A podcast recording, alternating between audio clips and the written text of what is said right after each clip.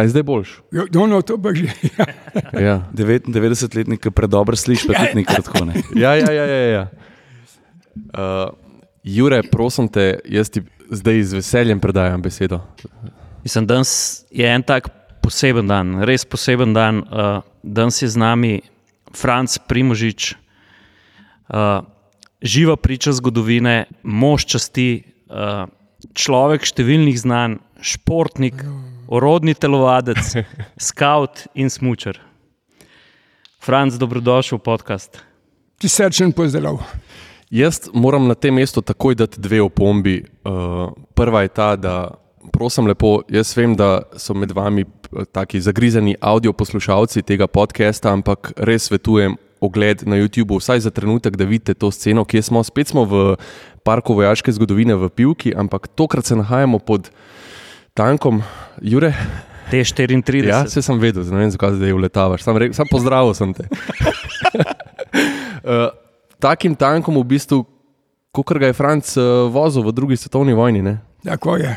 Uh, druga opomba, ki jo pa želim dati, je pa to, da je Franc izrazil željo, da smo danes na tem mestu mi tovariši ne? Tako je. in da se bomo tikali. Tako je. Jaz, jaz verjamem, da mi bo kdaj šlo vi, ker enostavno uh, mi je tako mal počastjo uh, te tikati, Franc, ampak vseeno, uh, Ne. dajmo proba biti tovariši. Tako je.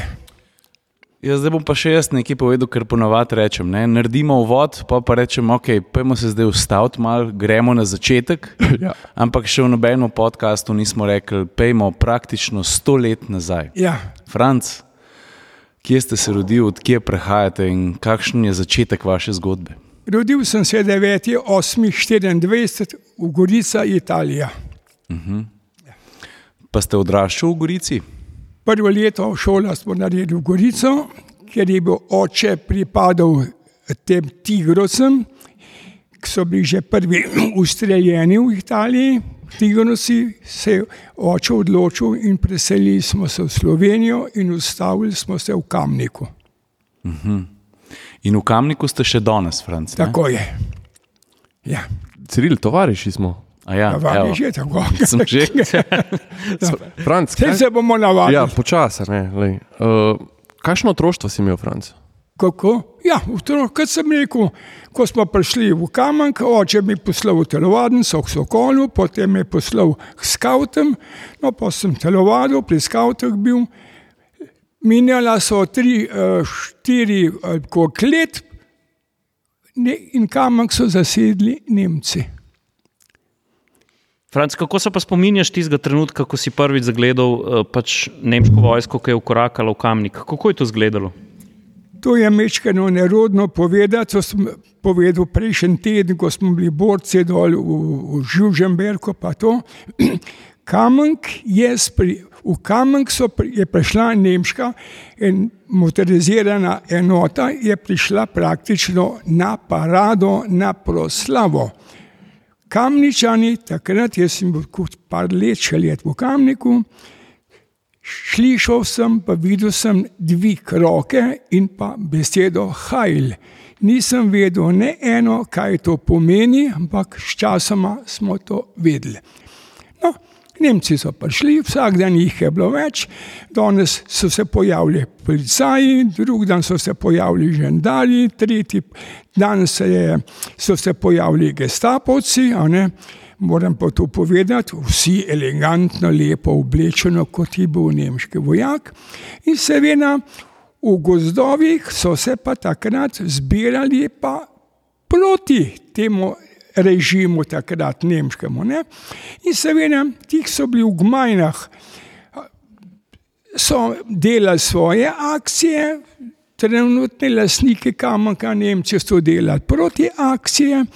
In tako je potem to šlo, akcija proti akcija, začelo se je zapiranje, zapi- začelo se je strela, streljanje in tako je se potekalo do leta 42. 6. januarja sem se jaz pa poslovil iz Kamnika in je do konca 47. domov ni bilo. Pridemo še do vašega odhoda, ampak eh, mene pa zanima, Franc, kakšne so bile te diverzantske akcije? Če jaz prav razumem, ste bili vi tudi del njih. Ja, moram, da bo bolj razumljivo. Nemška organizacija Hitlerjugend, ne, Hitlerjeva mladina. Hitlerjeva mladina, tam smo se učili vse tisto, kar en vojak rabi. To je bilo 40, 41. 42. leta smo šli v Arbeitdienst, delovna služba, kot se temu reče. Sam delovna služba se je to imenovala, vendar to je bilo podaljšek vse tistega, kar so se pri Hitlerju učili, vse samo vojaške stvari. Od Hitlerja je to prišlo na Arbeitdienst. Ostranjene vojaške, kompas, azimuti, vse skratka, vse vojaške stvari. No, poleg te vojaške stvari, pri Arbedistu na mesto pušk smo imeli lopate. Lopata je pa takrat naš simbol na mesto pušk. Ampak namen je bil pa drug. V povdanskih urah smo šli v, bližino gozdov, tam smo se pa učili krampe, lopate, žage uporabljati, uporabljati po njihovem. Ne? Pa mi dolgo nismo razumeli, zakaj se to dogaja. Vse to je bilo predšola za na fronto, da boš znal drevo podreti, da boš znal narediti bunker, branik, obrambo.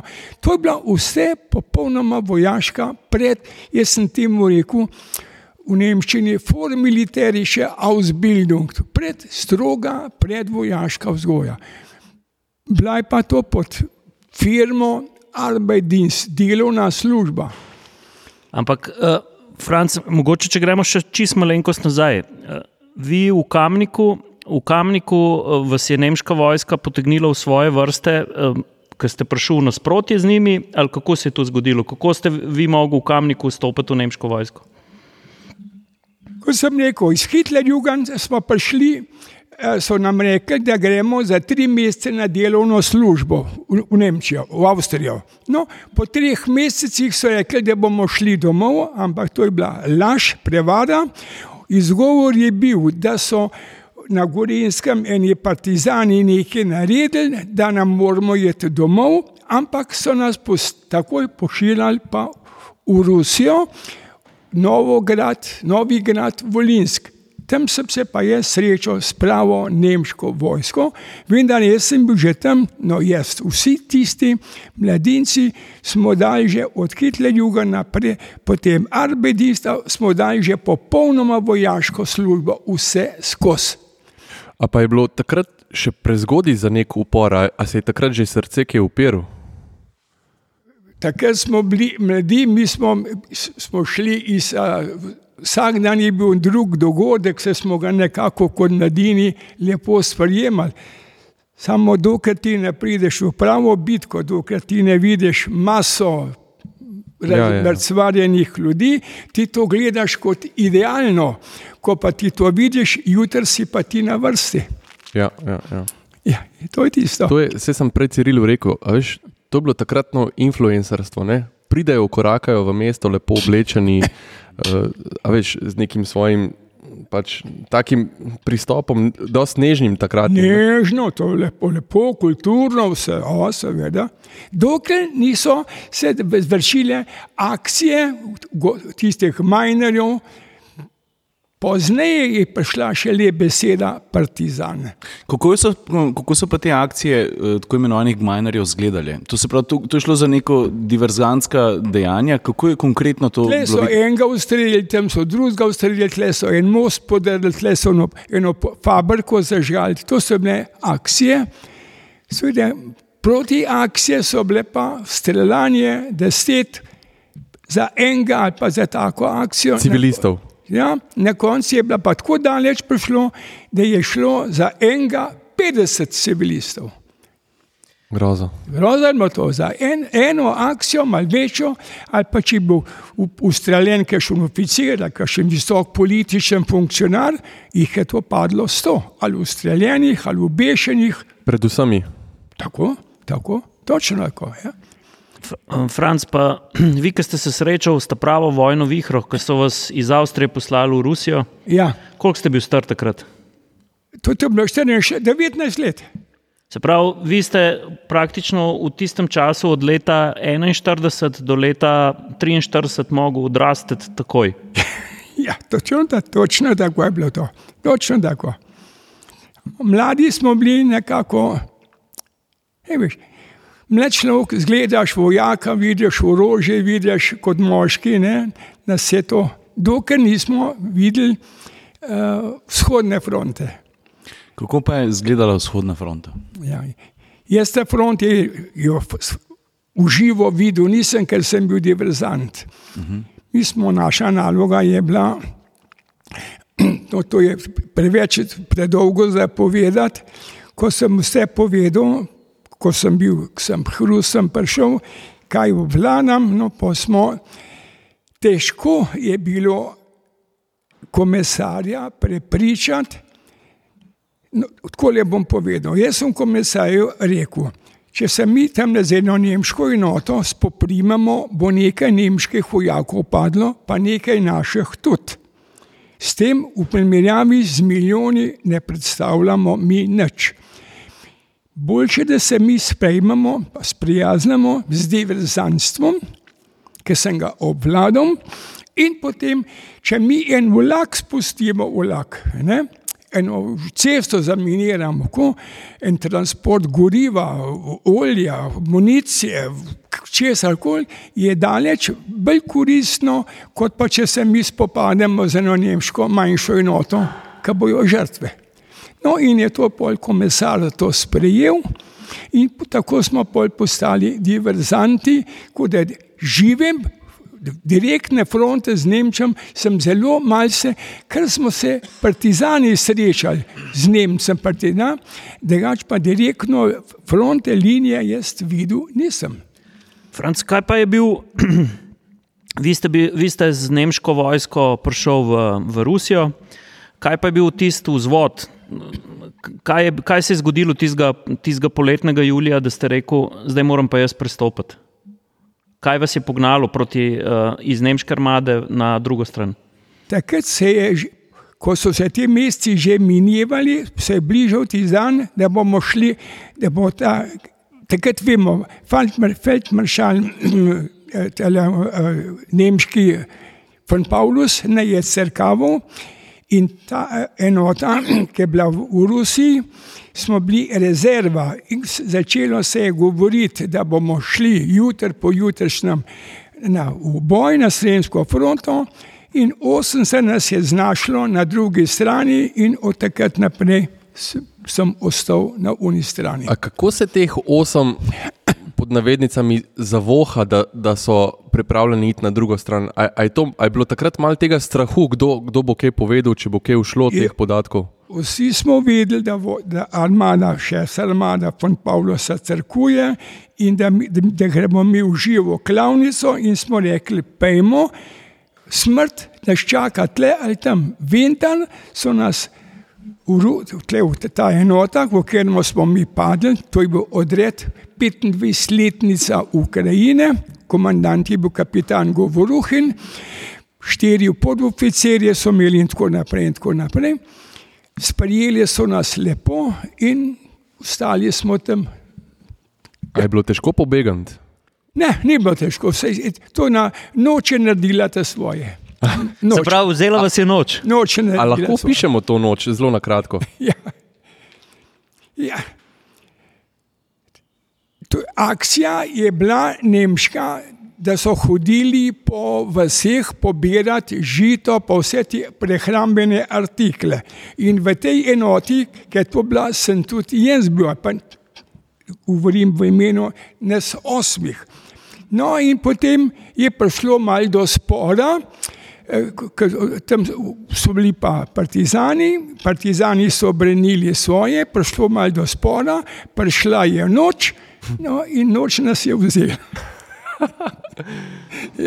Ampak, eh, Franc, to se sliši zelo enostavno. pa tudi, eh, Prej ste, prej ste že omenili, eh, ko ste pa prišli na drugo stran, k eh, sovjetskim partizanom oziroma ukrajinskim partizanom, jih je bilo pa treba prepričati, da niste vohun. Ne? Ja, a, t- to je bila pa vse to sem že tolikrat povedal, bom še enkrat mogel ponoviti. Ko smo tam bili, seveda, par dni je bilo zasliševanje v nemščini, v slovenščini, malo v ruščini, in tako da so preverjali, in tako naprej. No, na to so me poslali na mrtvo stražo. Jaz nisem takrat vedel, so me poslali na mrtvo stražo in so mi vse povedali. Tele si 24 ur bo, v nobenem primeru ne smeš nikamor jet, nič pobegati, sam jaz nisem vedel, kaj je v zadnje. Minil je prvi dan, smene ni bilo po 24 urah, minil je drugi dan, smene ni bilo, jaz sem bil takrat 18-19 let star. Razmišljal sem, kaj se dogaja, kje sem, kaj je. So se umaknili, so me pozabili, me preizkušajo. V glavi, sem, v glavi se mi je to porajalo razno razno mišljenje. No, prišla je tretja noč, kaj čem narediti? Eno stvar po dnevi sem si je malo ogledal, pri, ker sem na stražo prišel po noči, nisem vedel, kje sem prišel, kje sem nič. In sem malo ugibal, pa sem pa rekel, tam ne pokat, ker le ne, moramo to smeriti, kjer ne pokat, tam moramo najbrž mi biti. ja, Logika. logika. ne. No, in ko, to je lepo potem tretja noč, temno, temno je že bilo. In jaz se po tisti potki malo vodiš, rekel, grem v tej smeri, nekam bom prišel. Nisem šel daleč, morda 100 metrov, ne vem, na pamet govorim, eden zaupije stoj. Jaz sem se čudil, kaj je to stoj. Jaz takoj po nemško sem se vrgel dol, prekotalil, če me ima kdo na puški, da, me, da se moš prekotaliti. To je bila, to je bila že taktika je bila nemške že, vojske. to je bila že taktika, seveda. On je bil tiho, jaz sem bil tiho. Razmišljam, kdo, kaj je bilo, kdo je, zakaj stoji, zakaj ne stati, zakaj ne halt in to naprej. Razmišljam in sem se odločil, kdo tam, kdo je tam. Odgovora ni bilo. Ponovno razmišljam nemško šolo, kaj še narediti. Še enkrat, a tam kdo? Kdo je res tam?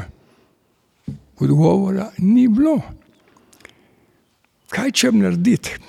Imel sem pa puško, nemško mavnarco, tako kot smo imeli vsi. In sem rekel, streljati bodo, streljal bom in sem močno s puško repetiral, po noči se je pa ta glas slišal in tisti, ki je bil tam, ki me je ustavil, koliko je bo daleč, ne vem, po glasu je zaupal stoji. No, in ko sem jaz rekel, da bom streljal, je pa rekel, Franc, ne streljaj. Če mi je to rekel, sem vedel, če mi je rekel moje ime, sem takoj po glasu vedel, da je eden od naših. Noč je to bila, par, čez par korakov iz teme pride ena temna lesa, pride me objame.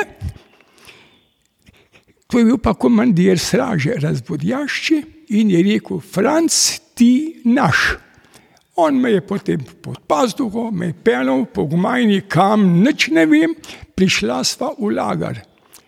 Lagar, v lagarju me je že kuhar, povor, kuhar me je čakal, si so veliko, meneš stroha, tri dni brez jaz, pa brez.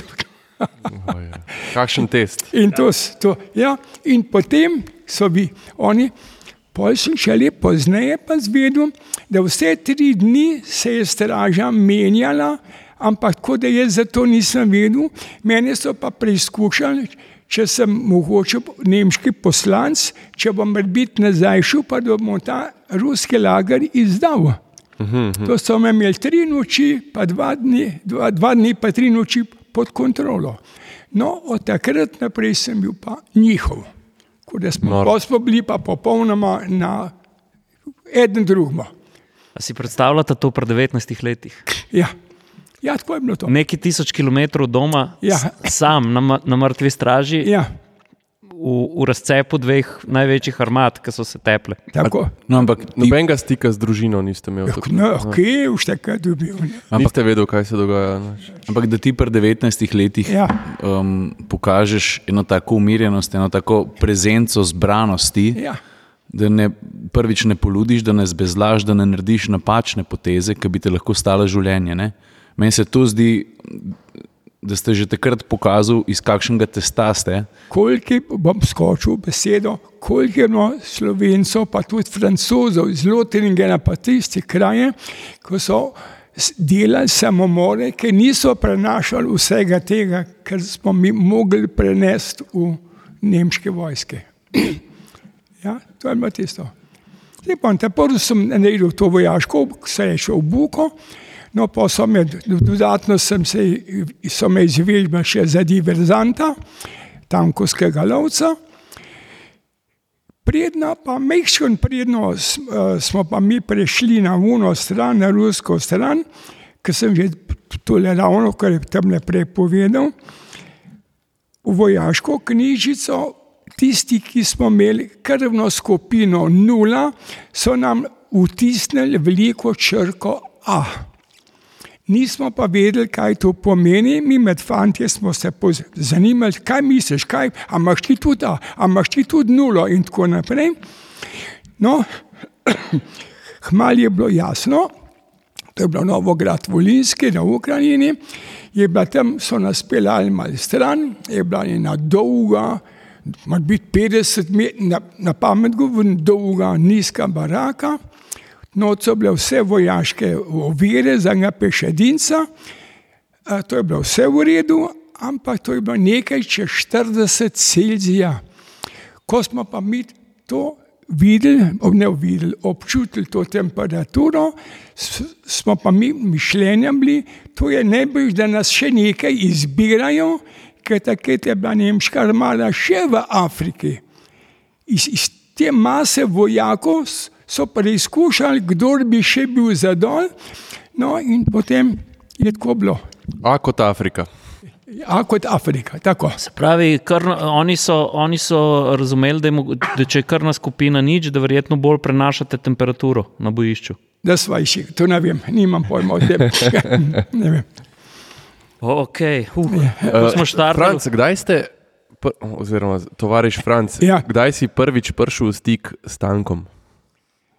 Povedi se, takrat, ko smo bili uh, v nemški vojski, še ko smo imeli pišanisko buko in potem, ko sem, sem bil dodeljen še za diverzanta, uh -huh. takrat sem prišel prvič s ruskim tankom v stik. In takrat smo, sem tudi naredil prvi šoferski izpit za avto, in potem prvič sem se srečal z, še z Unmo, prejšnjemu, ki je imel 76 top. Takrat ni bil, no pozneje je bil pa že ta 85. A je bila, zdaj ne vem, če upam to reči, ljubezen na prvi pogled? Ja, ljubezen, nam se je fajn to zdelo, mi smo mi danes, da smo rekli, polej, vedno, Stroj. stroj, pa tak, taka masa, ne? Ja. Ampak jaz sem pa takrat že vedel, kaj se je dogodilo v tisti tankovski bitki, ne, ki jih je bilo tako tavžent Kursk. v Kursku. A to sem pa vedel že. Ja. Tako Da, jaz sem se takrat prvič z Nemko, ker mi smo imeli tam potlip, to je bil en ogromen poligon, tam so bile jarke, lukne, jame, vse so drevje, grmovje. To je bil prav poligon za to in so rekli, v tale jark te je menješki oficir postavil, tam so bili pa tanki, ruski, še sposobni, so jih zajeli in so vozili. In ti si mogel čakati, da je prišel tank na tisto, ali si postavil bombo, ali pa si v spodnje postavil magnetno mino. In čim si magnetno mino postavil, potem se je pokadilo znak, da si nalogo upravil. Aha. In s tem, dan, s tem dan si bil ti dan naloge prost. A pa si sam izrazil željo iti v tank, ali ti je bilo to dodeljeno? Ali... Ne, jaz sem šel z veseljem, pač, tako kot tudi danes gledam. da To, ja, Ja, ja, ja. ja, ja. Kako pa je izgledala prva obuka? Ja, veš, kaj smo takrat.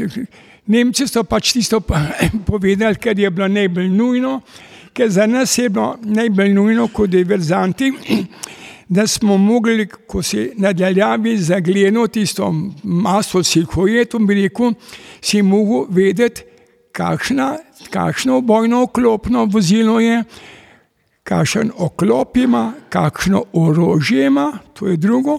In kot tretje, sem mogel za tistega, tisto vojno vozilo vedeti mrtvi kot.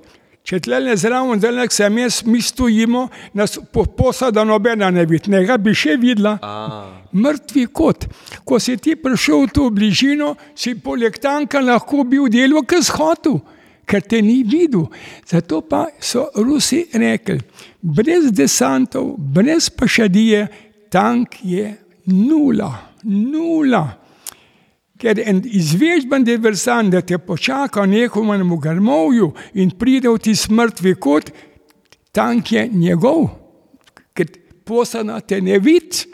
Mm. To je zelo slaba vidljivost. Kar se mi grede zdaj dogaja, tudi ko gledamo kakšne posnetke ja. z, z Ukrajine. Pa ne sem to, ne? mrtvi kot, koliko je pomemben pri vseh stvareh. Ja, seveda. Še pazi tudi v prometu. seveda. Uh, še, še ena zadeva, kar, da bo ljudem jasno, ker vi, vi v nemški vojski ste bil diverzant. Da ste pa rado ta prav tankist, se je ja. zgodilo v Rusiji. To, to pa pol še le pol leta 44, sem, ja, jeseni, pa sem šel pa v to šolo. Ja. Ker jaz sem želel priti domov in sem iskal kanale, pot, kako. In sem potem zvedel preko majorja, da je v Kolumni, da so formirajo te jugoslovanske brigade in prosil, prosil, spustili so me zelo narad, ker sem mole neke vojaške znanja skozi nemške šole. Ampak uspel, uspel sem priti do šole. Srečo sem spet imel, da ta brigada, ki sem jaz bil, to je bila druga tankovska, je, prišla, je bila poslana na Sremsko fronto in jaz sem bil zraven in sem prišel domov. Če lahko, jaz sem tisti, ki vedno pravi, če gremo lahko malo nazaj. Mene pa ena druga stvar zanima in sicer.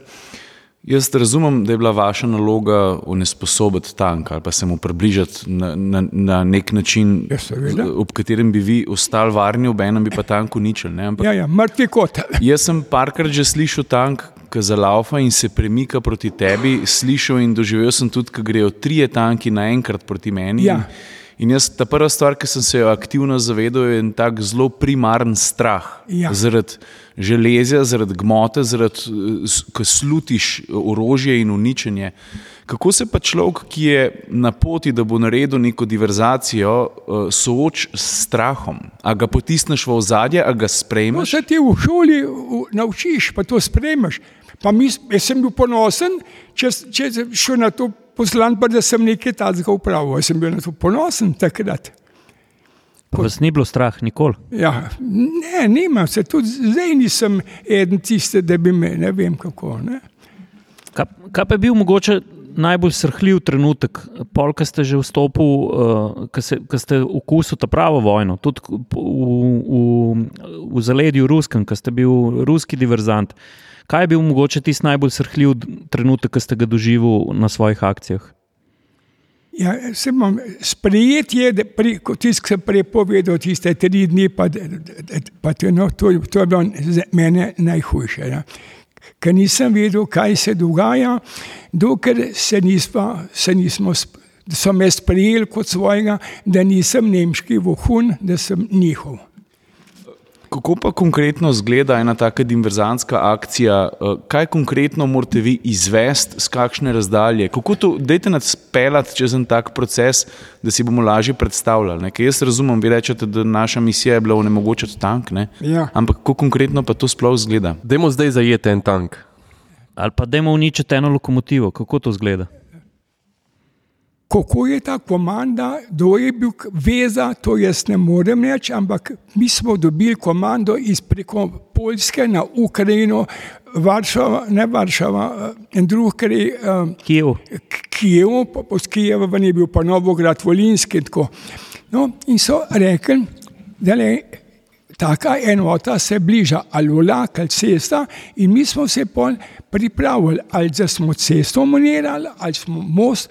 Na cesti nismo mogli veliko narediti, mi smo cesto lahko minirali, prvo tank je bil uničen, kolona je bila ostala. Ampak mi smo tudi verzijo mogli delati, bolj tam so bili mostovi, tam, kjer je bila eh, mal hribčka, ali pa da je si ti prevrnil tisto vlak, da so se nekam prekucnili. To je bilo treba izbrati mesto. Pravo lokacijo. Pravo lokacijo bilo treba izbrati. Ja. Koliko časa ste pa prej pregledovali teren, pa take, kakšen proces je? Ja, mi smo bili prosti, nismo bili nič vezani, mi smo se gibali, dokler ni prišla komanda iz te ali pa z te strani vlak, gre z gorivom, z municijo, z vojaskom, s tem, s tem. In ko so oni to povedali, potem smo šli pa izbirati, kje bomo dobili pravo lokacijo, da bomo to uničili. Ne? Jaz sem to sem vam povedal, ko nam je že zmanjkalo živa, ne, železna mina, to so Nemci pogruntali, pa so lesene, pa so Nemci pogruntali, pa mi, pod, pod, pod štrekom razne, pa na potek, pa to je vse to je bilo. Pomakaj mi enkrat reče, ta kapitan Bovoruhin, prav Franc, da le gre, a imaš kakšno idejo? To, kar sem vam povedal, pa smo šli iskati lepo primeren teren, Po dnevi smo lepo municijo, eksploziv uštimali, v spodaj drevesna polna žagal, ko je kompozicija prišla, smo ti to spustili in smo naredili alarm, alarm, eksplozijo, uničen je bil vlak, mi pa živi. Se pravi, vi ste dal mine na, v drevesno krošnjo. Tako? In tako. pred vlak podrli. To, ne. In to ste se vi spomnili. To je bila nemška šola, ne jaz, to je bila nemška šola. Koliko diverzantskih akcij pa je za vami? O, o Bog zna koliko, Bog zna koliko je to. Ja, ja, ja to je tisto. Jaz bom mogoče spet malo bolj neposreden. A mogoče veste, da ste kakšno življenje vzel? Ne, jaz, jaz, jaz direktno nisem nikoli stel, ker ni, nisem do tega te prilike imel. Mhm. Nismo prilike imeli. Ne. Tudi pol v tanku nisem jaz nikoli orožja uporabljal, ker ga nisem, nisem bil ne v spredek tam mitrales, tle je bil radist, gor je v mitralesi stopam, jaz nisem s tem nobengo. Kakšen pa je občutek, ko premika, ste s pomočjo premika neke ročice ali pa vzvodov prvič sam premaknil tank? Ja, to je pa težko, veš. Sklopka, gas, to je, to je, tudi danes je to, malo mislim, bog, koliko je to zdaj občutljiv, koliko je gasa, koliko, uh, vem to, da pod 700 obratov ta mašina ne, ne smeš premikati se. Ne?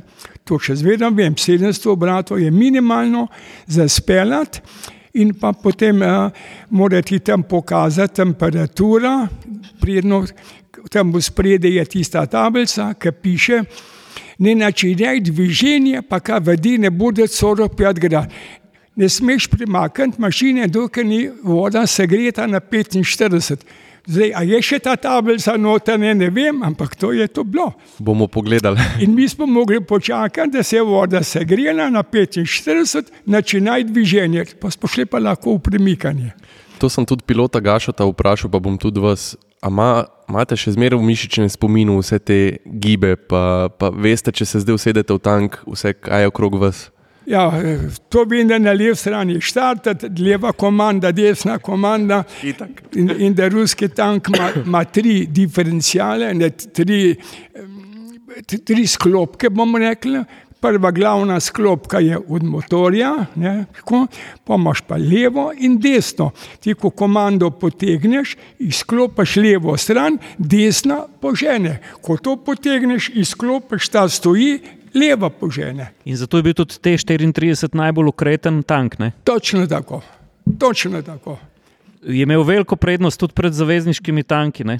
Veliko prednost. Vi ste ga lahko na ulici zasukali, Šermana nisem mogel. Šermana pa nisem mogel. Ja. Jaz moram na tem mestu uh, en intermezzo dati, če slučajno kdo razmišlja o tem, da bi prečasno poslušal ali pa gled, uh, nehal gledati ta podcast. Uh, Franc je imel eno željo in sicer, da bi uh, danes spet slišal delati ta tank, Tako je. mogoče ga celo videti v akciji. Ja, ja. Kdaj ste ga na zadnje videli, oziroma slišali v akciji? Ko v pet- v 48 sem šel domov. No, in atmosferci smo skupaj z No, pa ja, pa pol, zgodovine. pa pol 52, ampak takrat ni bilo več Rus, pa je bil že Šerman. Pri tisti zgodbi, ki bomo še omenili. ne. Uh, no, Ja. ampak hotel sem reči to, da, da, da počakate na konec tega podcasta, da se z nas kaj z- zgoditi. No. A Pa na tem mestu tudi res hvala Parku vojaške zgodovine, tej Ja. naši, Ja. ja. tej naši trdnjavi, ki, hle, ki pri življenju, ne, tako kot je Franc Likovito rekel, ta je še živ, ne, Ja. je umazan, je še živ. Dočno, dočno, ja. Franc, še eno vprašanje. Tako, k, k, doskrat smo poslušali o superiornosti nemškega tigra, predvsem dvojke, uh, tanka. A je, jaz sem prebral veliko zgodovinskih knjig, pa nekih poročil, vi ste pa, vi ste pa te stroje v živo videli. In tudi Ne. povedal ste mi, kako, kako, zakaj je bil T-34 tako dober tank. Ne, da te prvo o, o tigru. Tiger se v Rusiji ni obnesel, se je bil dober, širok, pa to naprej, bil pretežak, preoske gusenice, ni bil za poletje za oblato, ni bil po zimi za sneg. Pika. Ta ima pa široke gusenice, okoli 60, če se nam motim, je pa premagal. Kolikrat se nam je zgodilo še takrat v šoli, ko smo bili v šoli, ne, smo šli na lo, ker naenkrat so se gusenice zavrtile. Tanke na trebuhu, na, na, na, obstol, gusenice so se zavrtile, kaj pa zdaj? V vojni pride drug, vsak tank ima dve, tiste za te potegniti. V šoli tega ni bilo, vem, da dva od spredje z lopatom, dva v zadnji, da se je gusenica usedla in smo šli nazaj, pa se je pa malo umaknil. Če šel recimo 100-200 km naprej, so se spet gusenice zavrtile, zaradi tako gozga snega. Hm. In, In je enostavno na sedu. Enostavno na sedu, enostavno na sedu. To govorimo o tigru. Ne. Od vseh, ne, Vseh. vseh, vseh v- v- vozilih, razen Rusov, ker vsi imajo preoske gusenice, imajo čudovite gusenice, oske, kori, lepe, vse ublažinjene, se to lahko vidimo, ublažinjene z gumo, ta ni ublažinjeno, ne? ampak širina je tanko obdržala. Kljub temu, kar sem ravno povedal, koliko smo na trebuhu obstali in smo mogli to. Kaj je bila pa šipka točka tega tanka? Šipka točka, kaj ne bi rekel, je pa to, ker ta tank ni imel elevatorja. Uh, angliški tank je lahko izvo, med vožnjo streljal, mi smo pa komanda, nažemaj nažemaj tole. Da š- Šofer je mogel pritisniti sklopko, da se je tank ustavil, artilec na nišanu postrelil. Zadetek je bil boljši, vendar tisti trenutek si ti stal. Če koliko časa stojiš, toliko časa si pa, si pa ti živa meta, kot se reče Tarča. po vojaku, tarča. To je tisto. A poznate to zgodbo? Eh, Na internetu je par posnetkov o trdoživosti T-34, namreč po končani, po zaključku vojne so Rusi kupico teh tankov, mislim po celi Sovjetski zvezi, bivši, tudi ko sem se jaz skozi Rusijo pelil, sem videl ogromnenih spomenikov, na katerih tanki stojijo. T-34 naredijo betonski podstavek in dajo tank kot spomin vojni na betonski podstavek. Izvolite. No, ker, ker, ker do konca bo. In jaz sem videl par posnetkov, ko se pač so se ljudje spravili po 50-60 letih odpreti tank, najbrž so notrno točili gorivo in so, in so tank po toliko časa mirovanja, spanja, kot spomenik, da so jih spet zalaufali. Se pravi, da so bili te tanki zares trdoživi, tudi na YouTubu obstajajo te posnetki. To se pravi, da je tank stal od 40-50 let do, bom rekel, 10 let nazaj. In da je to taka, bom rekel, zmogljiva mehanka, verjetno je kupenih eh, komponent predimenzioniranih, da so bile bolj vzdržljive in da so sposobni zalaufati še danes. No. Noro. Neverjetno. Kaj ste želeli povedati, Fran? Jaz sem v, v, te- v teh tankih, ko sem enkrat v Moskvi, če bi bila zemljevid, mu zdaj ne, ne znam povedati, kaj vam bi po vam povedal, kje je bil zadnji nemški tank, ki so, ki so šel na, na obkolitev Moskve. In tem, ki je ta tank bil, so ga postavili na, na, na, na, in pa napisali točno številko, kakšen tank in pa kjer datum. To je bil tank, ki je šel po skrajno levi strani na, na, na obkolitev Moskve. Pa so se postavili, vse so se tik pred mestom. Tam so se pa ustavili. Ampak jaz sem šel tam, ki sem ti- v tisti tovarni, sem takrat bil v tistem kraju. Da le ne znam povedati, če bi bil zemljevid, bi vam pa pokazal. Tam stoji ta v spomin in opomin. Ja. Franc, uh, dal ste to slovito rusko tankovsko šolo čez, uh, ampak in takrat ste v tanku dobesedno tudi živeli. Kako je izgledala zima v, v taki jekleni gmoti? Kako ste, kje ste spali? Kako, kako je to izgledalo, ker to železje se segret se ne more? Ne, to se ne da se greti. Dokaj smo bili v šoli, pa tako naprej, smo dobivali hrano, zjutraj pa zvečer, tiste velike porcije, ki so to bile kot jelo, ki rečejo. Ne, smo bili dobra hrana, vse je to bilo v redu. Ko smo bili pa potem na vežbah, ko smo imeli vežme, po en teden, deset dni smo bili izven kasarne. Smo bili pa izven kasarne, podnev je bila vaja, pač kakršna vaja, pač določena bila. Ko je prišla noč, je bilo treba se ustaviti, vsak tank prestran, dva trama, pa na tej strani mu dva trama skrb pritrjena. Potem si šel z gosencem naprej, pa, pa si se pa umaknil, na te vtiske si podal ta dva trama, ta dva trama in na to tank gor zapeljal. To je bila, to je bila eno nalogo. Eni so imeli vsak tank, ima veliko brezent, uh, brezent Ponjavo. ponjavo, eni so to pokrivali, drugi smo pa delali izpod tanka, spodkopali v sneg ven, gusenice so bile že fiksirane gor. Ne? Ven spravili, Uni, eni fanti so to potem pokrili, nametali gor sneg, da je bilo to zadihtano, potem vsak tank ima tudi eno posebno dimenzirano peč, tisto pečko smo tu spodali, vspod zaukurili in po tistem tankom, tank je visoko kot pol metra, pa pa še kul, ker je bilo snega in mi smo tam vspod lepo živeli, pa saj treba greli, saj tritke O greli. moj bog, tankovski iglu. iglu. In vsake dve ure je šofer mogel, ta ogenj je goril skozi celo noč, da smo se pač greli. Malo je zagretje za nas, ampak to gretje je bilo bolj namenjeno mašini. Dizlu, hidravliki, Dizel, ne, no, ne bom za hidravliko, a olju. a olju. Vse je bilo v ruskem tanku redu, samo olje, maslo je bilo pa slabo. In zaradi, ma, zaradi olja, Mazanja?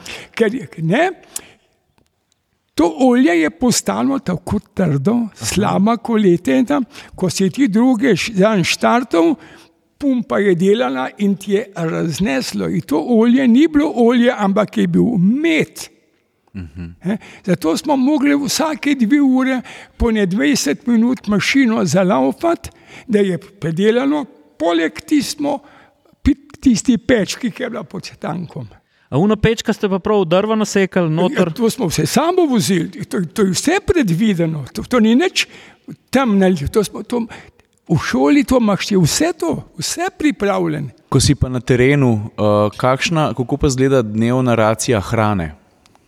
Sprav, koliko, koliko ti dobiš enega vnosa hrane na dan, ko si na terenu? Je tam smo imeli kotelo, ki je taka poslovna, ki je bila okrogla, mogoče je bila to ne dva litra, dva pa pol in tam so nam dali meneštro in tak, tam si jo ti pojedu lepo, pa do konca pojedu, pa je bila pa vaja naprej. Drugo je bilo pa, kaj je pa zima. Ti si dobil tam, noter ti je hiter, on tisto hrano lepo nalil, ti si hiter, jedu, jedu, jedu, vendar mrz je ta svoje delo in zdaj mi je mečkano ostal, drugi dan še en mečkan, po enem tednu je bila ta posoda polovico manjša, okoli je bila pa zmrznjena hrana, prijatelji. Prijatelji, O ne. ja. Ja. Kuk, kakšne zime pa so bile tu, Franc, koliko je bilo pod nulo? Pod, na Ukrajini je največ breze, breza ima največ soka. In ko za- začne ljubje od breze poka, takrat je 30-35 minusa. Wow. Breza nam, pove, nam je povedala takrat, In v takih, in v takih nočeh ste vi spal pod tankom. ja, ja, kje pa? Ja, ja, Kaj, kaj pa narediš z uno hrano, ki se je nabrala na posodje, jo lahko nekako tališ? Ja, moč, pok je bilo to konc, smo da poslej nam prišli, pa, pa, je bila pa, to niso bile učilnice, to so bile lesene bajte, pa tako, ker na Ukrajini je bilo, jaz nis, nismo bili v mestih, mi smo bili na podeželju, ne. to smo te dali, pa si to v tovku, da je počel, pa si ven vrgo, pa, to, pa si imel spet prazno posodo. Ja, to niso pravili savantje. ne. Noro, noro. Ja. F- Franc, pa glede na to, da, ste, da si preživel uh, več kot dve polni leti v tanku T34, Ja. ga, ga danes kot, kot stroj sovražiš ali ga imaš rad? Rad, gama, ja, ja. ja. Je bil en tak poseben stroj to, ne? Posebne stroje, življenje, seveda, pa smo bili v Šermanu, v Šermanu, lepo vse oblečen, tapecirano, vse pokštrihano, vse ta knofta, ta knofta, tega, vru- temu, temu, tega takrat ni, to ni bilo. Ja. Ampak, Ampak preživeli smo. am, Prej si rekel, eh, Franc, da si bil dvakrat zadet. Ja, točno tako. Pri predvinkovci sem bil zared od spredaj, ker sem, je bila pa tedna kupa šoferska zap- zaprta in to je bilo, te pa je tam ta naklon se je ta odbila, udarc je bil močen, no z desne strani, kjer jaz ne gledamo, sem bil pa s pancerfaustom zadet v kupolo. v kupolo. Ker je pa tam ta litina, mislim, da je okoli 12 cm, eh, ni pretopila skozi, kot da ni prišlo do eksplozije. Koliko Kot rukne. ja, kolik rukne, ko si zadev. Koliko luknjo to se pa ne da povedati, da dokler da ti to ne doživiš. To moraš tudi živeti, da se ta masa zamaje od, od tiste granate 75. To je strašna energija. Prav, To je, kinetika. to, je, to je neverjetno. Ja. A pa tudi poč, tudi tu, Ja, to je udarc, a ne, ima to na svetu, to je š- Kako je pa sestavljena posadka tanka? pet ljudi. Pet nas je bilo. Uh, kaj pa je tista nevarnost pri T34, kam ne sme zadeti? v korpus, v telo, pod, tlep, kar je telesa. In kaj se zgodi, ko Kupola, zadane? kupola je hvišna, kupola je te težko, prebo, da jo prebiješ. Eksplozija. Se pravi, vse hoče iti ven čez, uh, čez kupolo. Ne? Ja, Prav ta energija mora iti nekam ven. ja, zdaj ne vem, se gre za energijo, se gre za človeka. Ne? Ko si ti zadet, to je tako hitra eksplozija, ker na tej strani so trije eh, rezervoarji, na uni strani so trije rezervoarji goriva, v sredi, v podno je municija pešadijska in kot pride do eksplozije, to, to je v momentu, to ne ostane nič. To ne ostane nič. Ali kupola utrga, ali pa, ker recimo korpus je sešvasan iz plošč, ali če uspe, da jo to raztrga, da jo odpre, če pa ne, če na začetku bitke, ko je polno goriva, polno municija, običajno kupola odtrga. Hitra smrt. Hitra smrt, od ljudi ne ostane nič. Ker nimaš tam rešitve. Tudi če bi recimo tako bilo, kakšen prav, ja, se imaš gor na vrh dve luknje, ne? so dve luknje, sam tisk, te, te, mitraljez te čaka, ko so šli posadka ven, ti si bil takoj zadet. Mi smo mogli čez podanje, podan ima tisto luknjo na, na, na, na strani od radista. Tam smo mogli odpreti, pa čez tisto si se mogel, če si bil, če si bil zadet, si se rešil. Čez vrho gore rešitve ni bilo, ker so te čakali mitraljezi. Ko ste bili zadeti, ste nadaljevali ali ste šli ven? V, v Rikvec pa nazaj, da smo periskopi, so se v tiste sile, so se zdrobili in potem smo šli, sem nazaj, da smo periskope zamenjali, potem je pešadija prišla, pa smo šli po Vinkovce in Vinkovce zasedli. In vi ste takrat pametno ravnali, ker če bi vi takrat, ko ste bil zadet tank obračal, bi Bog pokazal, bi bilo Smrt, smrt, smrt. konc. Ti Boga v vojni pokazati ne smeš. Čim si pokazal, te tisti top, ki te čaka, čim se ti, ti bo, Bog pokazamo, je konc. Ker le kupola je bolj okrogla, se kugla rajško ne Odbije. odbije. Tle med kolesom, kolesja, amortizerji, pa vse to, tle, kar te zadane, se neč ne odbije. Tista eksplozija, morate svojo pokazati. Tle ni rešitve. Tudi če ni direktni zadetek, vas, vam pa gosence sname. ne? Slovenijo pa to.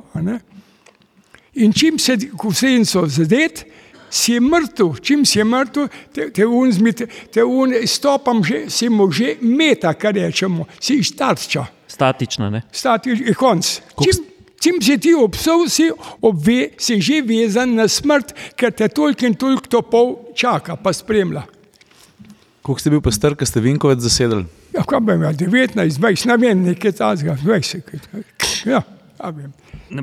Leta nisem so pomenil. Ej, a imam jaz prav, če rečem, da ste pol v življenju najprej vozil bicikl, pa še moped, pa je bil pa že tank na vrsti? Ne, bicikla ni tako, še jaz nisem, še ni bilo. No? Se pravi, tank je prvi stroj. Ne, Te ne. prvi tabori so bili angliške mašine, Jamesi, Fordi, Studbakari, to so bile vse angliške avtomobile, ki smo jih gor vozili, kole mal, da smo malč, zroba pa, da smo tiste izpite naredili, no pa je bil pa ta. Kar preskoka. Ne? A ima tank svojo. Franc, glede na to, da ste tudi poučeval eh, kasneje v civilnem življenju, eh, da ste bil tudi inštruktor, izpraševalec, izpit, izpit na komisiji. 33 let. A ima tank svojo kategorijo v, v prometnem dovoljenju? Ja, to je pa vojaška zadevšna, jaz to to pa to ne bi znal povedati. Ker takrat, ko je, so v spredje policija, ona promet ureja in se moraš tem podrejati. Izpit te kategorije. Še, uh, še malo moramo- še malo se moramo na fronto vrniti in sicer uh, mene je vedno znova, uh, ko sem se z vami pogovarjal, pa, pa prebral to, kar ste tudi zapisali, to vašo bogato vojaško pot. Me vedno znova um, presune, kako, bil, kako si bil res iznajdljiv. Um, ti si na, na, na Sremsko fronto prišel kot izkušen, eh, izkušen vojak, izkušen tankist, izobražen tankist. eh, Tukaj pri nas so pa to malo po svoje delali. Um, a, nam, a nam upišeš to anegdoto s številkami 100, 200, 300, 400, 500? Prišel je, prišli smo v Jugoslavijo na Sremsko fronto in določen dan je bil, jutri gremo na, bila je eh, linija, pred linijo so bile zaminiran teren, povedali so nam točno, ki je razminirano in zvečer smo šli vsi komandirje pa šoferji, da smo si pogledali in orientirje določili, ker je bilo samo za en vod za proboj fronte f- en vod, potem za vodom tretji, tretji, potem čete, bataljona in potem se je razširila fronta. No, tisti dan je potem prišel, prva, prvo linijo je šla prva četa prvega bataljona. Nemci kot Nemci so nas prič, bolj kot so nas pričakali, pričakali so prv, prvo četo prvega bataljona. Ko so naši prišli do tja, Nemci so dvignili roke, se predajo. To smo pa videli, pa vedeli, jaz nisem zraven, jaz sem bil drugi četi, drug dan. Ne? Ko so te fantje odpeljali naprej, Nemci za njim, mitraljeze so nam stovkali vse desante dol. Tank, De, desanti so bili pa Des- ljudje gor. Pet desantov je bilo na vsakem tanku bilo po ruski formaciji. Desantu je pa no, naloga paziti levo, desno proti takratnim pancerfaustam. Se pravi proti tankovskim Proti topolom. tankovskemu, tisto, kar so imeli takrat Nemci. No, in naši so šli naprej, Nemci za nami in so nam izstrelili vse desante stovkali dol. Naši so se kako so se med sabo po ropotu, po točenju, smo bili zmenjeni, ker če, če ti tole odpove, ladenga fon, če ti odpove, smo imeli po točenju, kaj hočeš povedati. No, cela linija naša se je obrnila, grejo spet na, na ta prvo nemško linijo, Nemci ta drugič roke gor. Bedaki, pa so pametni bili, bedaki, so bili Nemci. Prvič so nas nategnili, so mislili, da bo tu drugič. Komandant je dal komando z mitraljezom ven, celo linijo potovkali. Tisti nemški vojaki bi vsi lahko živeli v stale, še takrat so se prvič podali, ne bi šli v jetništvo, ampak komanda je bila taka. No, naši so šli fanti naprej, brez pešadije, pa brez desantov. Nemški lovci s tem pancerfausom so nam tanke požigali kot za šalo. Se pravi, prvi dan so goreli tanki kot Prvi, bakle. prvi dan je, je bil, je, ni umembe vredno. Ko se mi to doživljamo, drugi dan je pa druga četa, prvega stle sem bil pa jaz zraven. Ne, pa sem rekel, Madonna Francel, jutri pa ti na vrsto, jutri bo pa tako, ker je bilo včeraj tako. Meni pa tole na misel pride, tale nemška šola, sem pa rekel komandantu, Ljubo Žarič je bil, tisti stari jugoslovanci, ki sem vam prej prepovedal. Eh, Sem rekel, ljubče, sem rekel, imam tlele edo en na pripombo ali pa en primer ali pa nekaj tanzga. Ne. Pa sem pa rekel, tako je, da bom krajši, sem rekel, sto pomeni naprej, 200 desno, 300 levo, 400 brez municije in 500 ob kolen in tako naprej. On mi je rekel, pa ti si v punem pravu, seveda sem v Ali so bili Nemci tako prebrisani, da so nas po radijski postaji ujeli, ali, bilo, ali so, je bilo med nami izdajstvo, to ne vem. V glavnem, komanda je padla, prvi vod, oral to, oral on in tako naprej, ko vsak tank ima svoje ime. Ne. Čim je bila komanda naša, tako je bila komanda nasprotna. To smo pa videli, tle neki ni. No, drugi dan sem pa jaz to pa Žariču povedal in, in, In vi ste šifrerali komando. Ne? in jaz sem pa smo skupaj prišli, smo se zmenili, drugi dan je, kaj pomeni 100, 200, 300, sovražnik to vedel ni, a ne, s pešadijo in z desanti, ker brez tega si ti nula, uspeh brez žrtv. Vi ste v bistvu, uh, mislim, ti, Tako. zelo slabo nam gre uh, tikanje. Ja. Franc, ti si, ti si rešil ogromno človeških življenj, ogromno kovine tudi. Ne? Tako, tako. Um, zato, ker niso morali nasprotniki zrcaliti uh, vaših uh, potez. tako, tako. Ampak Ja. pogoji so bili desanti, pa pešadija, ker brez desantov tank nima posebne eh, dole, ki je, so drevje, ki je koruza, v tistem žito, tam je bilo teh pancerfaustov, teh tankovskih lovcev, kolikor češ. Pa dobro so bili skriti. Ne? Zato so, pa, zato so pa naši tanki gonili, samo to danes zgodovina polovico pove. No, ampak na koncu je um najmočnejše orožje. Ne? Ja. Uh, ne, zanimivo. ko Prvi dan so šli naprej, polke so med žrtve, med desanti in so postali lahka tarča. Ne? Ja, seveda, seveda. Franc, naš Franc pa ni hotel biti niti lahka tarča in svoj Je- tank ja, je no. hotel ohraniti. ne. Vedel sem, da, sem, da, sem tudi, da me te jutri čakaj, ampak komandant Ljubo Žarič je bil pač pameten in je tako bilo. Franc, kako se spomniš konca vojne? Ja, ja, ja, ko, ja ko se je bil, pa je bil pa polk, smo bili trst, pa to naprej iz Trsta v Gorico, iz, Gori, iz, Gori, iz Trsta v Gorico, iz Gorice v, uh, Do Udin. Ne, ne, ne, ne na to stran, tle je zdaj meja. No. Tako so Angliji zahtevali in tako smo se mi. A na občinah ste se ustavili. No, no, ja. Imamo Madonna tiskaj, kako se. Proti Iz Gorice ven smo se um, umikali, ker je bila še vsa ruska komanda in bila je, bila je noč, komandant nam, zadnja ruska komanda je bila. Mi smo se utaborili, prištimali v hribčku, topove dol, ko bojo oni po cesti, se to je bilo bedasto, to, to je bilo bedasto. Ker mi v primerjavi z uno armado je bilo ena poti taužent. Skoda bilo govoriti, da bi se mi takratni angliški uh, sili uprli samomor. No, ampak ruski komandant je to rekel, dobesedno. Подготовить пушку прямо на водке, бронебойна 800 готовс, kar pomeni pripraviti topove na direkten strel, specialna granata pripravljena.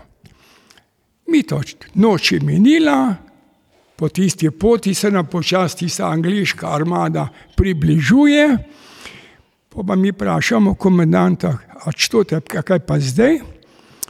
On je pa rekel, potjagnis na levo krug in smo se umaknili in je meja tako, kot je. Se pravi, se pravi malo je manjkalo, pa bi bila Slovenija malo večja. ja, ja, to je živo, živo moje dož, živo doživetje. A je bil to, je bil to vaš naj, eden najtežjih trenutkov v drugi svetovni vojni, ko ste iz vaše primorske mogli se obrniti pa se umakniti? Ja, ne, ne vem, mičkano, če bi bil konkretno, uh, bolj direktno. Hočem reči, takrat, ko je bila, se pravi, ko so bili Slovenci že v Trstu, ko ste bili vi z armado že praktično v Trstu, ko ste se mogli umakniti Angležom, je bil to najtežji trenutek? No, da meni moram to reči, samo s tem rečem, da je to bila ta velika angliška svinarija. To, to besedo uporabljam mesto. Uh -huh. ja.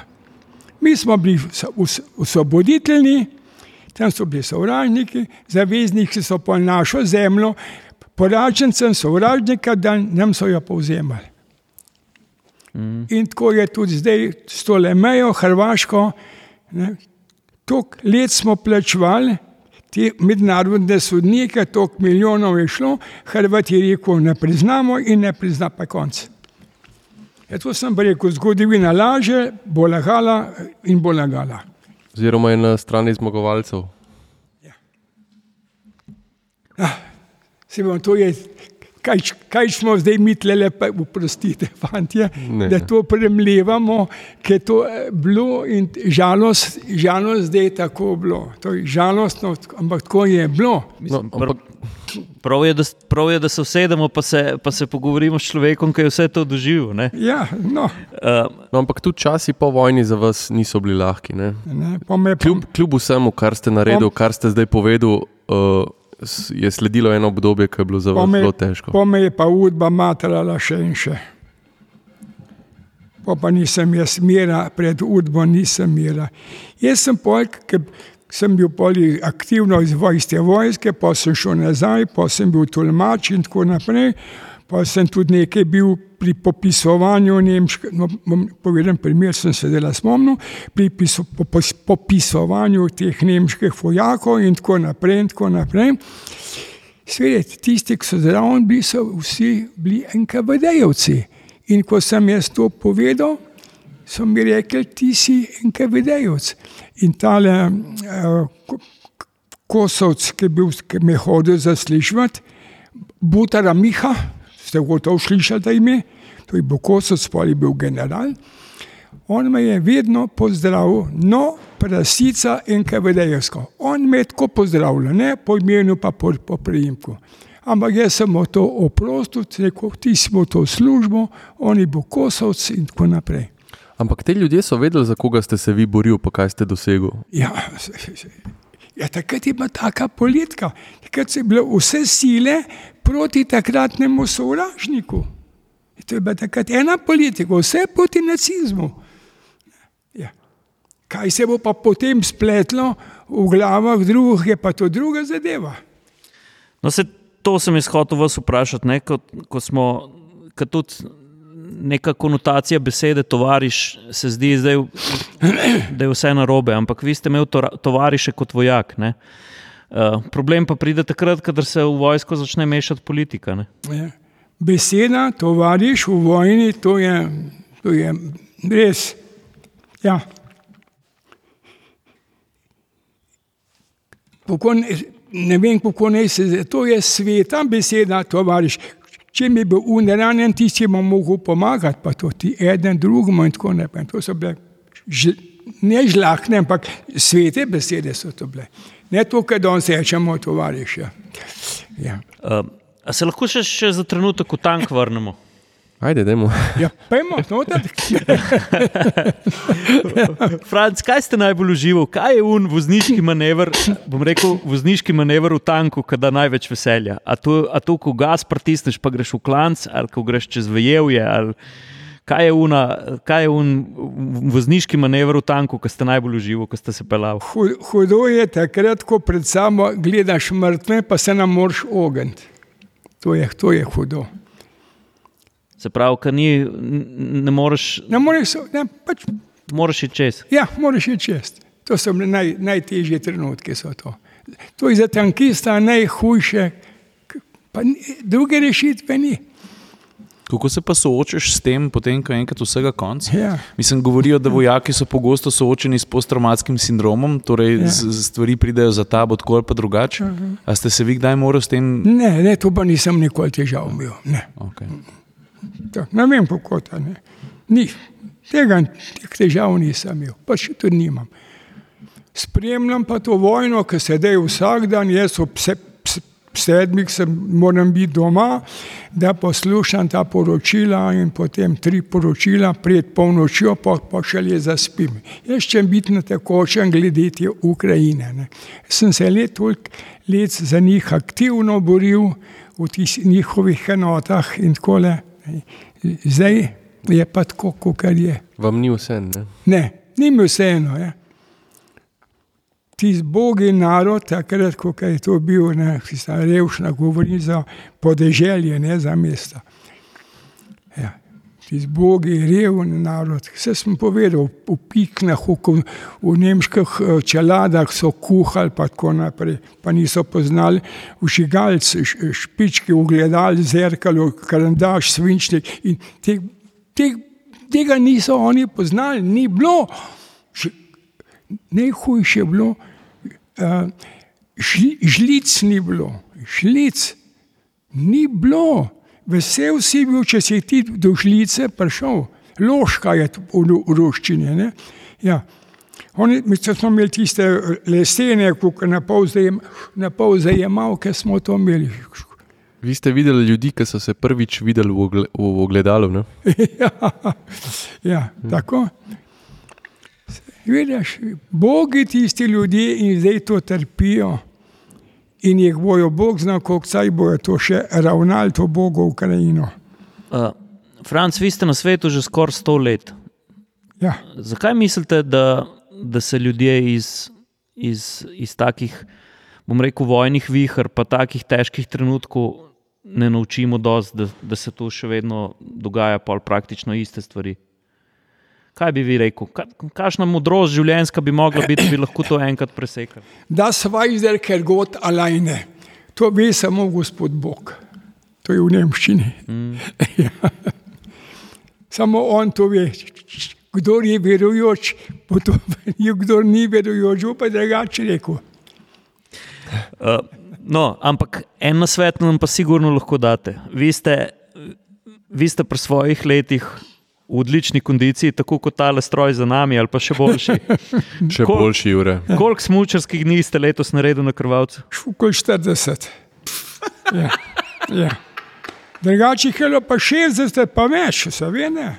Pa, pa še s kolesom, koliko sto na dan? Oko- ne E, na dan, na teden, e, na teden 100 km na na, teden. na teden. Ja, imam dve specialke, lepo, ja, ja imam tiste toske. Ja.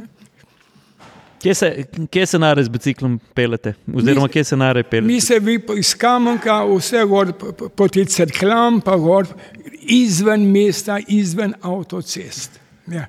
Ko da, ker ker na cesti si drugmo v napotje in pa v nevarnosti so. Ne. Franc, moj poklon. Moj. Mislim, To si jaz upam reči, da eh, klesi, klesi upam reči, da skoraj zihar uh, tvojih let ne bom dočakal. Nočem, da se vaj zdaj kar god. Evo, spet.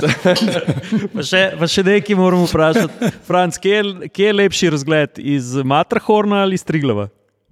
Ja, čakaj, mater hore, ne še nekaj drugega, kot je pa to. Ne? Ja. No, ampak povejte ozadje, to, da, da je, imate. je, više, tam vidiš del Francije, Švico, pa to naprej. Ne? No, tle, tle striglav, zdaj sem bil velikrat gor, ampak tle pa je mal manjši krok, tam je toliko višji, pa, pa posebno, če naletiš na lepo vreme. Ne? Ja, Jure hoče povedati, oziroma um, malo želi, da vi poveste, da, da imate vse te evropske vršace v, v žepu. Ne? Ja, ne, ne, ne vse, nekaj imam pa kar nekaj. Ja. Stal si na Mont Blanu, na, na Mater hodil Jungfrau, m, eh, potem Glos Gloknerjev, Gran Paradizo, pa kaj je sin, koliko je po teh, tega, tega vse bilo. Ja, ko je bilo. Jaz bi pa zdaj imel eno avtomobilsko, ne, pri svojih 99, pa drobiš, da ne rečem, z praktično 100 letih ste verjetno zagrabili tudi kakšen uh, avtomobilski volan. Uh, kaj ste pa kaj vozil takole skozi življenje? Ja, jaz sem bil, pa ko sem prišel iz vojske, te prvi sem šel v Barotano, sem me takrat sprejel v smodnišnico, ker sem prišel z Rusije, takrat sem bil najbolj zaupljiv. Sem imel zelo zaupljivo zadevo v kemiji, ki pojma, ne sem negač strojnik, pojma nisem v kemiji, ampak so me imeli kot takrat najbolj zaupljivega. In pa šlo pa tista inform bilo, pa sem bil kandidat pa za Goli otok. Pa me pa biha, uh, me je hotel potegniti pa dol na Goli otok. No, ampak polka je, ko so se te stvari umirile, um, uh, Ciril, Ciril imam v mislih predvsem uh, to, kakšne avtomobile ste imeli. Kakšne avtomobile ste imeli rad, pol? ker Ste, š- uh, prej ste nam v avtu povedali, da ste šli svoj prvi avto kupiti v Nemčijo. Točno tako. Ja. Takrat sem imel en motor 125, pa je bila pa družina, pa sem se pa nekako zaželil en avto, takrat so bili ti fičkoti, pa to, denarja ni bilo, avtomobilov tudi ni bilo in smo se z družino pa ženo zmenili in sem šel v Nemčijo preko enega poznanstva, ko sem avto zaslužil, Fiat Nekar in pa sem prišel pa domov in v takrat imam skozi avtomobile. No, kaj, kateri, kateri konkretno pa so ti avtomobili bili? Mal me ferbec matra. Prvi je bil Fiat, Renault, Katera na tri brzine. Prva je bila Katera na tri brzine. In, ampak to za prne zagorski svet ni bilo. Pa sem najdel eno žensko, ki francoščino vlada in, smo, in sem ji rekel, in smo pisali na Renault in sem dobil odgovor nazaj, da sem edini, ki sprašujem za večstopenski menjalnik. No, danes je pa 6-7 stopenski, kaj je bil pa 3 stopenski. Aha, pol je bila katra, kaj je bilo pa za Pol katro? Za katero, pa sem bil pa golfa, sem imel, pa za golfom sem imel dizelna, pa sem imel škodo, 1000 MB, za 1000 MB, pa sem pa pojmo, da imam C3, no. Da imam pa C3. Se pravi, sto enko pa fičko, to niste pa vozil. Ne, pička to ni, razen avto, šolo, pa to, kar sem, to je bilo, ja. Ne. V Fičku za pa nisem lesni. Pa dan si še aktivni voznik, ne? Sem še lepo podaljšal. ja, sem vine. Vse sem vam povedal, da sem šel gor na, na, poli, na, poligoni. Jaz sem hotel na poligoni zato, ker uh, gor, ko tam prideš, si res lahko rečeš, si sposoben ali nisi sposoben. Ne?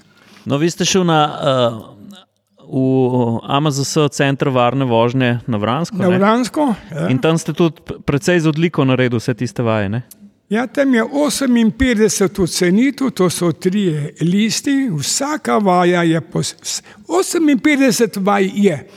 In od teh 58 vaj sem dobil tri trojke, 10 štirk in pa 12 petic. In na to so mi podaljšali do 100. leta. Ko, ko, ko, pika, da nimamo kaj popravljati. Ko je. Kako dobro. To je res, Ja, Franc, iskreno. Jaz, to je res, pri- prisežem. Franc, jaz vam, mislim, ti res iskreno čestitam. Pa tudi, uh, smem, smem povedati eno dejstvo. Sicer malo me je sram za mene, ampak to je resnica, tako kot, prav, tako kot Franc pravi. Franc je stal na carving smučah, jaz nikoli ni. Oziroma, Franc smuča na Ej. carving Ja, smučah, jaz še nisem carving vozil. ja, no, ne morem. Ja, eden je bil zagrizen, jaz sem bil smučar. Odkar smo pa prišli iz Italije gor in pa sem tle začel smučarijo in še vedno smučarijo pregajam. Ampak tudi po vseh teh ruskih zimah, eh, mrzlih, zasneženih, vam nikoli ni bilo problem, oziroma ti nikoli ni bilo problem iti smučati. Nisi zasovražil zime. A, dobro, dobro vprašanje. Če bi me zdaj vprašal, če imam svoje zobe, jih nimam. Zakaj ne? Meni jih je krvavc vzel zobe, krvavc. Zanimivo, zakaj? Toliko let nazaj so bile tiste mrzle zime in jaz sem takrat še ni bilo čelat. In jaz pa kot mlad, pa to sem, mislil, da sem nekaj več. Sem se tako prehladil, da sem zobe izgubil. Zato pa rečem, meni je krval zobe vzel. Se pravi, tako tu, tu ste prehladili lesni. To sem prehladil, ja, tako je, no spodne so moje, zgornje imam pa. Eh, a ni tako, da na krvavcu, da krvavc daje nek popust za starejše ljudi Nad, eh, nad 65. nad 65 do 100, a ne? To pa ne vem, dokot. No, ampak vi plačujete, če jaz prav razumem, en procent karte. To, kolikor mi manjka, doja. Ja. Da, da, mislim. Dobro, dobro. Sam jaz bi to prosil, to je, ne bi bil to pogovor pod lipso, ne, ne to zdaj, ne vem. No, to je podlip pogovor. Vse ja. super, super, nam gre, uh, super nam gre, Franc. Uh, jaz se moram še malo nazaj vrniti, ker me ta tehnika zanima. Uh, kako pa je z oskrbo goriva? Ne? Eno, eno tako bojno delovanje tanka zahteva enormno količino nafte. Ne? Imam knjigo s seboj, ki imaš še vse noter, koliko porabi na, na kilometr, na, na, na uro, vse to, hitrost ima vse. To, eh, zdaj bi me imel točno vprašati. Na Štandgasu, na 700 obratih ali pa na tem terenu, na to je pa Ja, ja, to razumem, Če da bi to poraba. hotel, jaz pa knjigo s seboj lahko dokažem, vse v knjigi. Uh, ne, ampak mene je bolj zanimala ta logistika. Uh, kako ste pa tankali? Tu so se za vami cisterne vozili? ali- Ja, v, v, v navajah je bilo tako, ta, da smo imeli še tale dva baka, te dve rezervi, a ne, v bitki greš pa brez teh. V bi- v bitki greš pa te podo preklopiš, iz praznih jih dol naš, pa greš pa v bitko. Ne. Ja. Vas vojaška tehnik, tehnika še danes zanima? Spremljate, kaj se dogaja, kako tanki napredujejo? Uh, Ja, vidiš, jaz sem še vedno, če danes ti tank pogledaš, ni noben več, da, da ni več oklep, da je oblečen. reaktivni oklep. tako reaktivno, ker danes tank v bitko, prej so bili pancerfausti, danes, če bi to tole bilo, če ne bi tega oklepa bilo, prva granata gre skozi. Zdaj imamo pa vse, vsi tanki so oblečeni, da pride do tja, da je eksplozija, predno pride do korpusa. Mm -hmm. Ja, to je tisto. Danes je nekaj drugega, kot je bilo pa takrat. Onda vsi, vsi tam ploščam obloženi, o Marija, no se to, ja, da je to. Kje ima pa te 34 mrtvi kot, Ja, to so pa različni. glede na opremo? Pri pretopu, za pretop, ko prideš pod 20 metrov, ko prideš, te več eh, nam more to postreliti. Ne? In še pod, pod 20 moraš se približati, da, da je to pa, pa mitrali, ker mitralis je stopam red, ne? sta vezana. In po 20 metrov nisi se tega mitraliza, pa to pa ne bojiš več. No, pri stranih, pozad je eno, pri stranih pa ne vem, par metrov, na pamet ne znam več povedati. Ti smrt, kot, kot ti do njega prideš, posada, vse vidite, kakšne reže imaš. a ne. Tank, posada je slepa. Posada je slepa. Kaj pa, Ja. kaj pa uh, a to ste, naprimer, um, ti pa posadka ste mogli vse sami narediti, se pravi, naložiti municijo, vse Ja, te stvari. ja, ja, vse, ja, ja, vse, vse, vse. Kaj pa, kaj pa najtežje delo? Prej, prej si omenil, da hvala Bogu nisi rabo nikoli gosence meniti. Ja, ja, ja, A to je garanje, ne?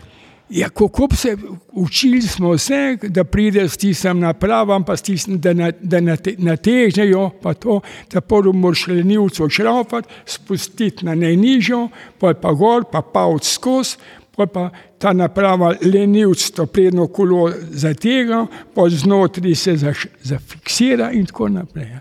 Tega nismo delali, k sreči ni bilo treba. Jaz sploh ne vem, gledam zdaj nazaj, sploh ne vem, kje bi začel. Če- Najprej moraš biti člen na razred, ne?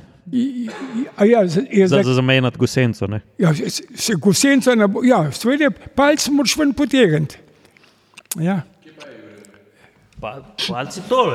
palc je to, tle noter. Ja, lahko kjerkoli, ali, ali nek začetni člen. Vse imaš tam v zadnji, tistle, ti- tis- tistle del tam na ja. je tiske, če palc ven zleze, ko je tega, da ga potem tako, da ga odrine in da ga spet palce not polivati. To je ti izdel. Čim palc ven leze, ker dokaj prideš in ta, ta ti ga palc spet not porine. Zdaj gre Jure zamenjati gosenco. Ja, ja. To so, so palci, ja. mejka nižje noter. Ne, ne, če bi šel še nazaj. Jure, ti dam ključ 15. Ti si črn flek, ne, tle gor črn flek. Če- črn- Ne, ne, višji gor je logus. Črn flek. Dej, Jure, no, če na flek. Vse ti no. kaže, lepo ti kaže, Jure. Tamle, no, to je, to je tisto, kar, kar nam a, a, a, palce not porine, če palc ven zleze. To je ti izdel. A, okay. No, tako, tako, in ga palc not porine. Ja, si kaj imam ven. Avtomatizem. Ja, zvene, a veš, to, to klec nekaj pa imam pa še v spominu. Tudi tud tle v pivki ste bil stacioniran, ne? 52. predno smo šli na mejo. Aha, no to zgodbo še morate povedati. Kaj je bilo takrat? Baje so vas poslali nekam brez, uh, brez municije, ne?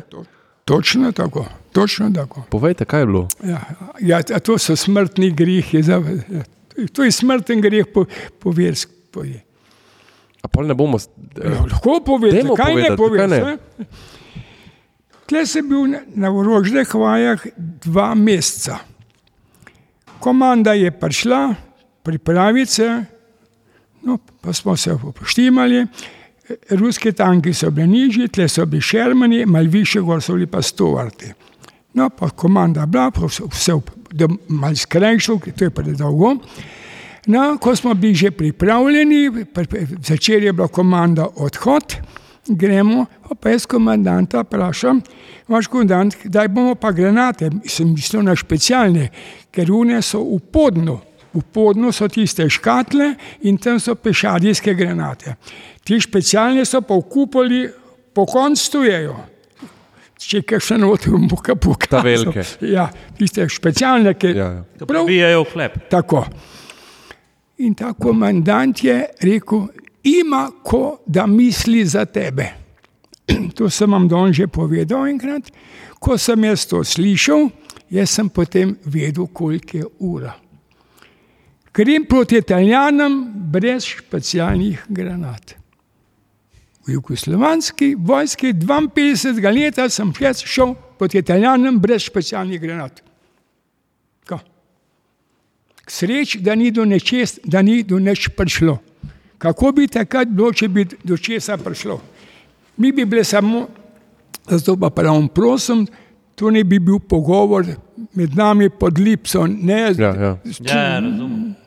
To. Tako je bilo, to- to- to- prijatelj ali pa tovariš.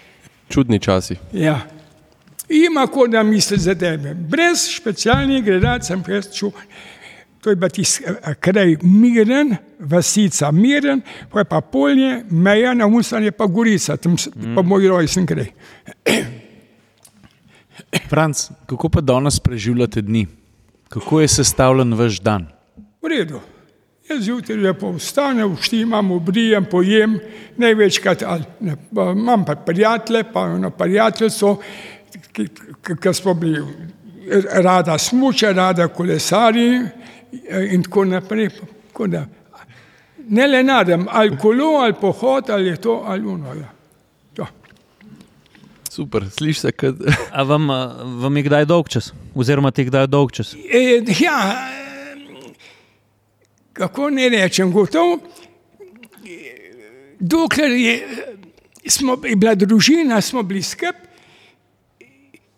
družna pogovor, pa to, pa sam, pa sam. Ja. Če bi, če bi želel dati en življenjski nasvet nekomu, ki si življenje šele ustvarja, ali pa, Ja. ali pa, ali pa pravzaprav komorkoli, kakšen nasvet bi to bil? Ali pa neko modrost? Je to trudno skazati, to je težko povedati. Ne vem. Pa bom pa tako vprašal, kaj pa je na svet, ki bi si ga vi želel slišati, ko ste bil mlajši, pa ga niste, pa ste se to naučili skozi življenje? A imate kakšnega?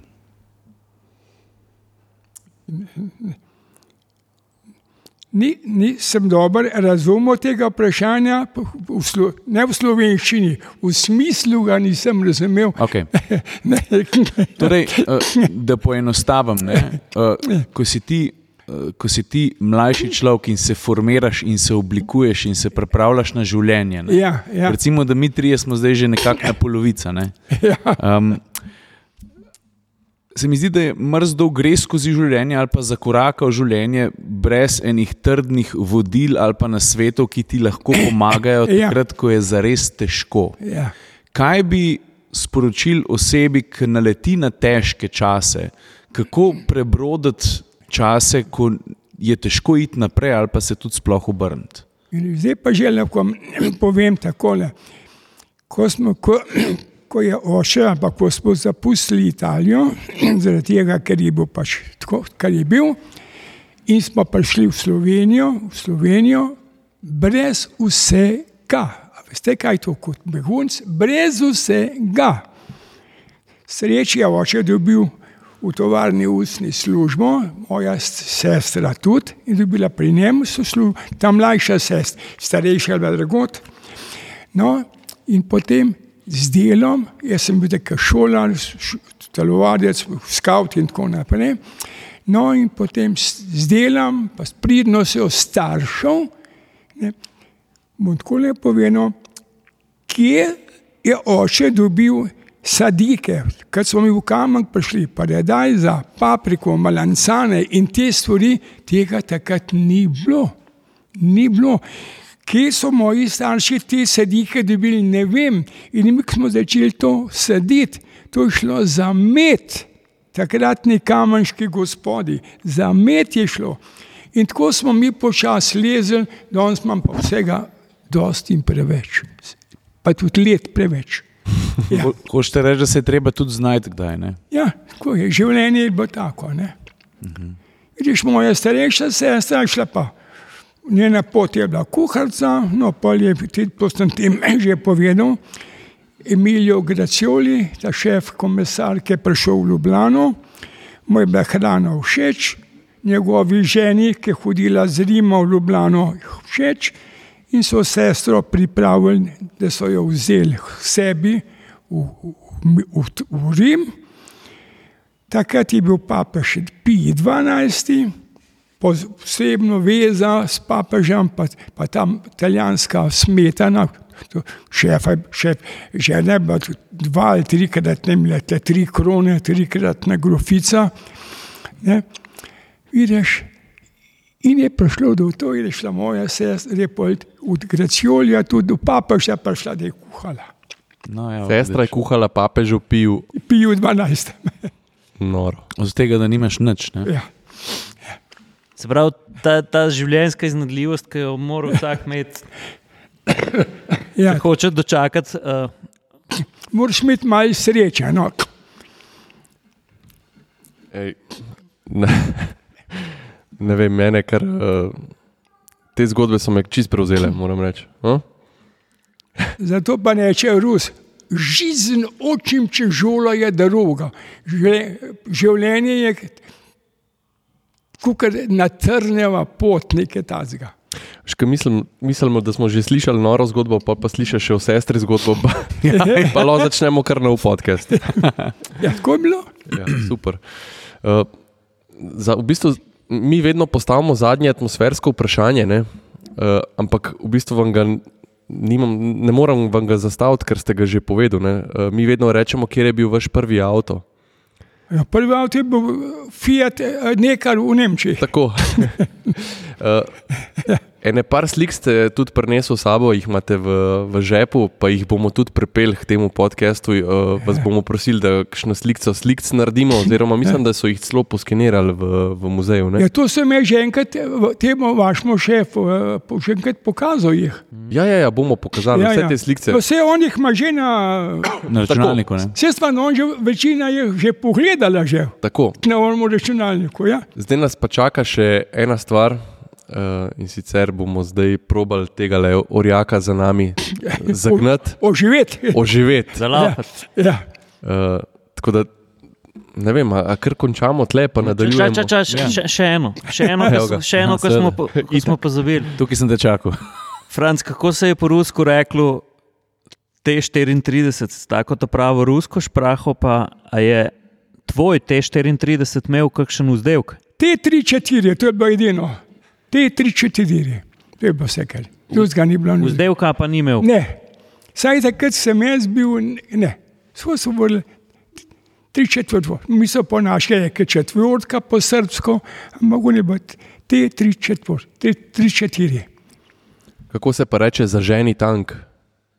V, uh, čak, Pali mašinku. ne, ne, a, ne, ne, ne, ne, ne, ne, ne.